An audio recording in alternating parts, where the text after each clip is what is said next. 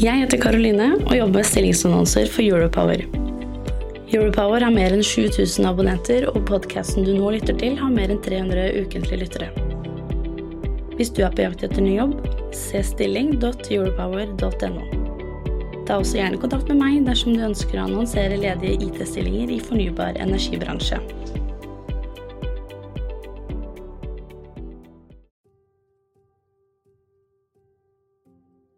Strømledningene våre i Norge de går 8,5 ganger rundt ekvator.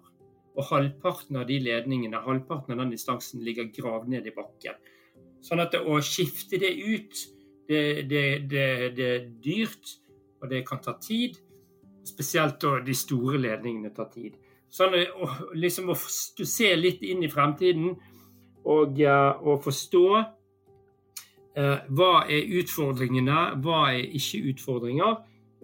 Det er viktig. Du lytter til energibransjens temapodkast, en podkast produsert av Energy Partner. Sendingen inneholder annonsørinnhold fra Sineldi, Center for Intelligent Electricity Distribution, ledet av Sintef med støtte fra Norges forskningsråd og partnerne i senteret. Se for deg at året er 2040, og hele Norge går på strøm. Alle kjører elbil, kollektivtransporten og fergene våre går på strøm. Nye bygninger produserer mer strøm enn de bruker. Solceller på private hustak er helt vanlig. Og se for deg at all strømmen kommer fra fornybare kilder. Ville ikke det vært bra? Utfordringen er at strømnettet vårt er gammelt og ikke laget for å håndtere det trykket et helt elektrifisert Norge byr på. Og det er dyrt å oppgradere strømnettet vårt. Veldig dyrt. Derfor har de beste forskerne i landet gått sammen med industrien i forskningssenteret Sineldi, eller Center for Intelligent Electricity Distribution, som det fulle navnet er. Sammen med industrien så lager Sineldi løsninger som skal gjøre fremtidens strømnett enda bedre, og ikke minst smartere. Hva det betyr, skal vi komme tilbake til, men viktigst av alt, Sineldi skal lage fremtidens strømnett på en mer kostnadseffektiv måte enn vi klarer i dag. Jeg heter Skjul Kristian Aamodt, jeg er energiambassadør i Energy, energibransjens digitale kanal. Og i denne podkastserien på fem episoder skal vi dykke ned i teknologiene som utvikles allerede i dag, og som muliggjøre fremtidens strømnett. Og ikke minst, vi skal se på hvordan dette påvirker deg som forbruker. Gerd Kjølle, sjefsforsker i Sintef og leder for FMS Sineldi, forklarer hva som menes med å elektrifisere transportsektoren.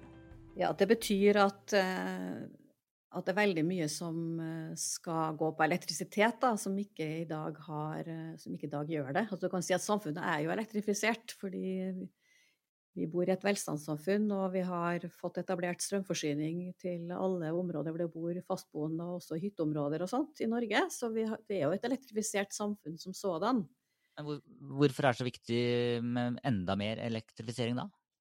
Jo, for det er jo fremstilt som et vikt, veldig viktig klimatiltak. Eh, det viser jo alle eh, studier og strategier og alt som gjøres i Europa og ellers i verden og i Norge. Og det her Klimakur-rapporten som kom her i ja, var det i fjor, eh, som sier Klimakur 2030, sier jo at 30 av, av klimagassutslippene kan, eller CO2-utslippene kan løses ved elektrifisering. Og det betyr at da er det jo mye mer enn i dag som også skal gå på elektrisitet. Og en viktig del av det er jo transportsektoren. Og transportsektoren den må jo elektrifiseres, og eventuelt at det er også snakk om hydrogen og andre drivstoffer som er klimavennlige. Men i hvert fall en storstilt elektrifisering er jo da nødvendig for å få det til.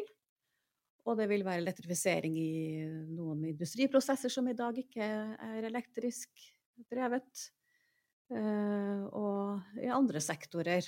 Ja, eh, i Sineldi så jobber vi jo med eh, fremtidens smarte kraftnett. Magnus Korpås er professor på NTNU og arbeidspakkeleder i Sineldi.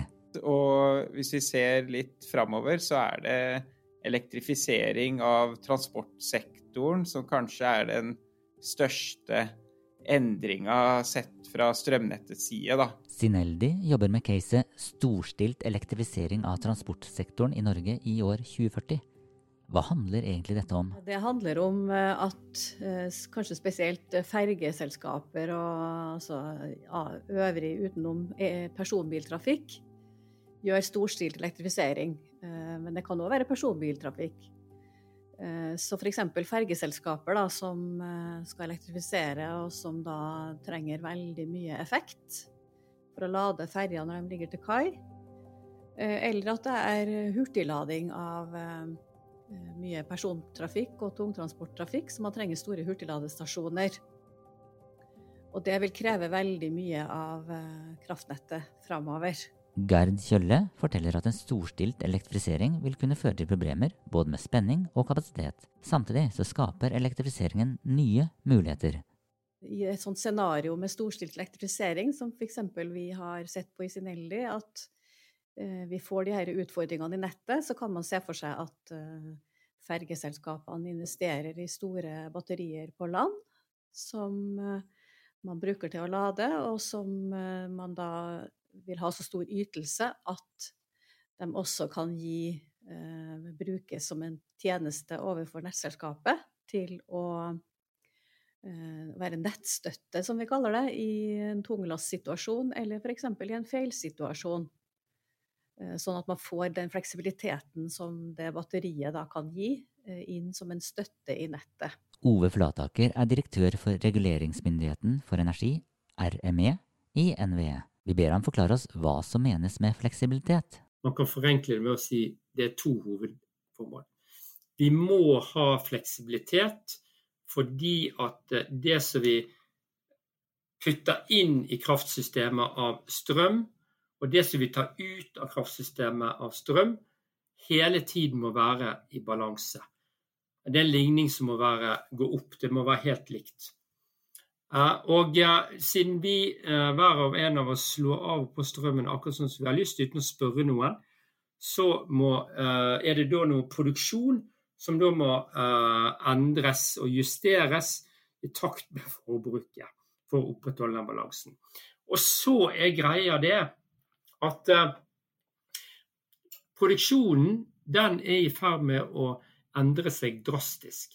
Vi i Norden og Europa faser ut kullkraft, gasskraft, kjernekraft og faser inn sol, strøm og vindkraft uh, i, for, i, stor skala. Og uh, Den nye strømmen, den nye måten å produsere strøm på, er ikke like godt egnet til å, å følge forbruket når det gjelder å opprettholde balansen. Tvert imot så er det sånn at vind og sol eh, produserer strøm avhengig av været. Så da må vi finne andre måter å ivareta den balansen på. Og der kommer jo inn at forbruket må også bidra til å opprettholde den balansen for totalsystemet. Så det er den ene måten vi må ha fleksibilitet på. Den andre grunnen til at vi bør ha fleksibilitet, det er at vi skal unngå å investere i mer kostbart strømnett enn det som er nødvendig. Fordi at eh, det, strømnettet det har en gitt kapasitet, alle komponenter har en gitt kapasitet. Og vi kan ikke putte inn mer strøm enn det er laget for, for da blir det svart. Vi kan ikke ha kø i strømnettet, det blir svart. Så um, vi, vi jobber med å utvikle løsninger for å, for å tilpasse strømnettet og også utnytte eh, fleksibilitet som, som ligger i eh, både eksisterende eh, systemet og det vi kan tenke oss i framtiden for å tilrettelegge bedre for elektrifisering. Magnus Korpås ser stor verdi i å jobbe frem ulike fremtidsscenarioer. Jeg tenker at dette kan ha veldig høy verdi, da, ved at vi prøver å se litt, eh, litt lenger fram enn liksom de første neste tre-fire åra. Og så prøver vi oss å se noen år fram, i dette tilfellet kanskje 20 år fram, da, og ser hva slags behov er det vi ser da, eh, og hva er det vi må gjøre nå, eh, og også legge til rette for nå, for også eh, være i stand til å bygge og drifte et, et, si, et økonomisk fornuftig og teknisk velfungerende kraftsystem. Når vi får inn veldig mange andre typer strømbehov eh, enn det vi har i dag, med andre typer effekttopper eh, og, og, også mer konsentrert eh, forbruk i form av eh, ikke bare hurtigladestasjoner, men kanskje sant? Sånn elektrifiserte havneområder og slike ting som krever kanskje mye nytenking på, på, på deler av, av, sånn som vi jobber med, med, med, både nettplanlegging og drift. Men hva må egentlig til for at vi skal lykkes med en storstilt elektrifisering av transportsektoren? Teknologiutvikling er kjempeviktig. Og så er det jo å, å og, um, altså Når det gjelder dette strømnettet, så er det jo å få brukt det så effektivt som mulig, og samtidig få bygget ut mer tidsnok der det er nødvendig. Det er også en viktig forutsetning. Og så har du jo hele den politikken som jeg ikke skal mene så mye om, om, om uh, ja, elbilfordeler og, og, utfasing og innfasing osv. Så, videre. så tilbake til Gerd Kjølle, som leder FME Sineldi. Hvordan jobber de egentlig? Vi har sett på mange forskjellige drivkrefter, eh, som handler om teknologi, økonomi, regulering, hva vi enkelte kunder vil gjøre, og den type faktorer. Og så har vi sett på de her utfordringene som vil kunne oppstå, og, og hva som da kan gjøres med de mulighetene som tilbys. Og så har vi tegna ut ulike scenarioer som gir et fremtidsbilde da, for fremtidens nett. Det er sånn vi har jobba med det her, mellom eh, eh forskningspartnere i Sineldi og med Eh, teknologileverandører og nettselskaper og andre aktører som er med i Sineldi, har vi sammen gjort eh, disse fremtidsstudiene og systematiserte da til fire scenarioer for fremtidens nett. Men hvilken verdi har egentlig disse scenarioene for forskningsmiljøet og for, eh, ja, for nettbransjen? Vi har vi utvikla scenarioene fordi at vi er opptatt av å få det her som et grunnlag inn i forskningen i Sineldi, sånn at vi kan sammen finne robuste løsninger for eh, fremtidens nett. Fordi at nettet er jo eh, skal jo eh, benyttes av kraftprodusenter og av forbrukere, og skal jo være, er jo på en måte en tjeneste. Det er et nødvendig onde. Det er også en måte å si det på, at vi trenger et nett for å overføre elektrisitet. Og det nettet det må jo forholde seg til det som skjer i omgivelsene, altså hvem, hvordan skal nettet brukes.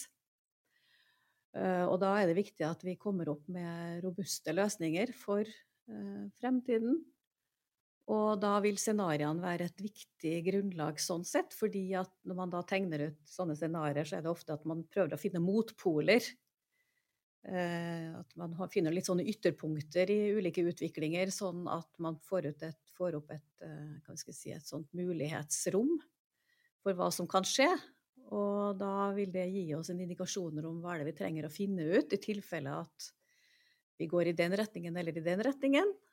Og, så det var det det starta med, at vi skulle bruke det her som underlag i forskningen. Og i tillegg så ser vi at allerede så brukes eh, scenarioene i strategiarbeidet hos eh, flere av partnerne i Sineldi også. Man bruker det i strategiarbeidet sitt. Man bruker det også til å se på hva slags kompetanse trenger vi egentlig for fremtida og ruste oss for fremtida. Så det handler om å bygge robuste strategier da, også. Men hvor mye vil det koste å oppgradere hele nettet? Og hva er potensialet for besparelser dersom vi tenker smart? Hvis man investerer omtrent sånn som i dag, altså mer konvensjonelt, eh, og da snakker vi jo om eh, størrelsesorden 140-150 milliarder i en kommende tiårsperiode, hvis man ser i sum over hele eh, kraftnettet. Og da er jo en hypotese at vi kan redusere det tallet der med ja, Hvis vi gjorde det, reduserte til 10 da, så er jo det 15 milliarder. Eh, og 10 er antagelig ikke å ta i for mye. Men uh, hva det vil koste sånn totalt sett når man også skal ytterligere nå elektrifisere, da må man antagelig skru opp de planene som man har på 150 milliarder. Fordi at det var vel før Det estimatet var før Klimakur-rapporten kom. Så vi snakker om mange titalls milliarder i sum. Bare ved å se på Hvis man uh, ser på uh, privatbilene, så og så mange privatbiler, la oss si en million privatbiler eller sånt. Uh, hvis vi får til smart måte å lade på hjemme, så kan det skje med dagens nett. Men hvis vi ikke får til en smart måte å lade på, så kan det koste jeg tror det var 11 milliarder ekstra, regnet man på da. Og regningen, den lander vel hos oss som bruker strøm, altså hos meg og deg? Det gjør den. Altså nett, strømnettet er en felles infrastruktur, som er fullt og helt betalt av alle som enten produserer strøm og bruker nettet på den måten, eller forbruker strøm og bruker nettet på den måten. Det er ingen sånne statlige eh, bevilgninger eller noe sånt til strømnettet. Jeg heter Skjul Kristian Aamodt, og jeg er gründer og energiambassadør i Energy, energibransjens digitale kanal. Så er jeg litt stolt da, over at min første jobb etter endt studie som sivilingeniør det var nettopp i Sintef. Jeg lar sjefsforsker i Sintef og leder for FMI Sineldi, Gerd Kjølle, avslutte denne episoden av energibransjens temapodkast. Dere gjør en viktig jobb? Ja, jeg syns at det er en veldig viktig jobb som gjøres. Og det er jo et sånt dugnadsarbeid egentlig mellom altså Det er jo en svær bransje som er med på det her. Altså vi dekker jo mesteparten av nettbransjen, kan du si. og kraftnettet og overføring av elektrisitet i Norge gjennom de partnerne som er med i Sineldi. Og med teknologileverandører og markedsoperatører og forskere så, som sammen jobber om det her, så, så gjør vi en stor dugnadsinnsats uh, for at vi skal kunne møte den fremtiden best mulig. Og samtidig for samfunnet kunne legge til rette for verdiskaping og det å, å ivareta forsyningssikkerheten. Og samtidig forsøke å holde nettleia så lav som mulig. Du har lyttet til energibransjens temapodkast. En podkast produsert av NRE Partner. Sendingen inneholdt annonsørinnhold fra Sineldi, Center for Intelligent Electricity Distribution, ledet av Sintef med støtte fra Norges forskningsråd og partnerne i senteret.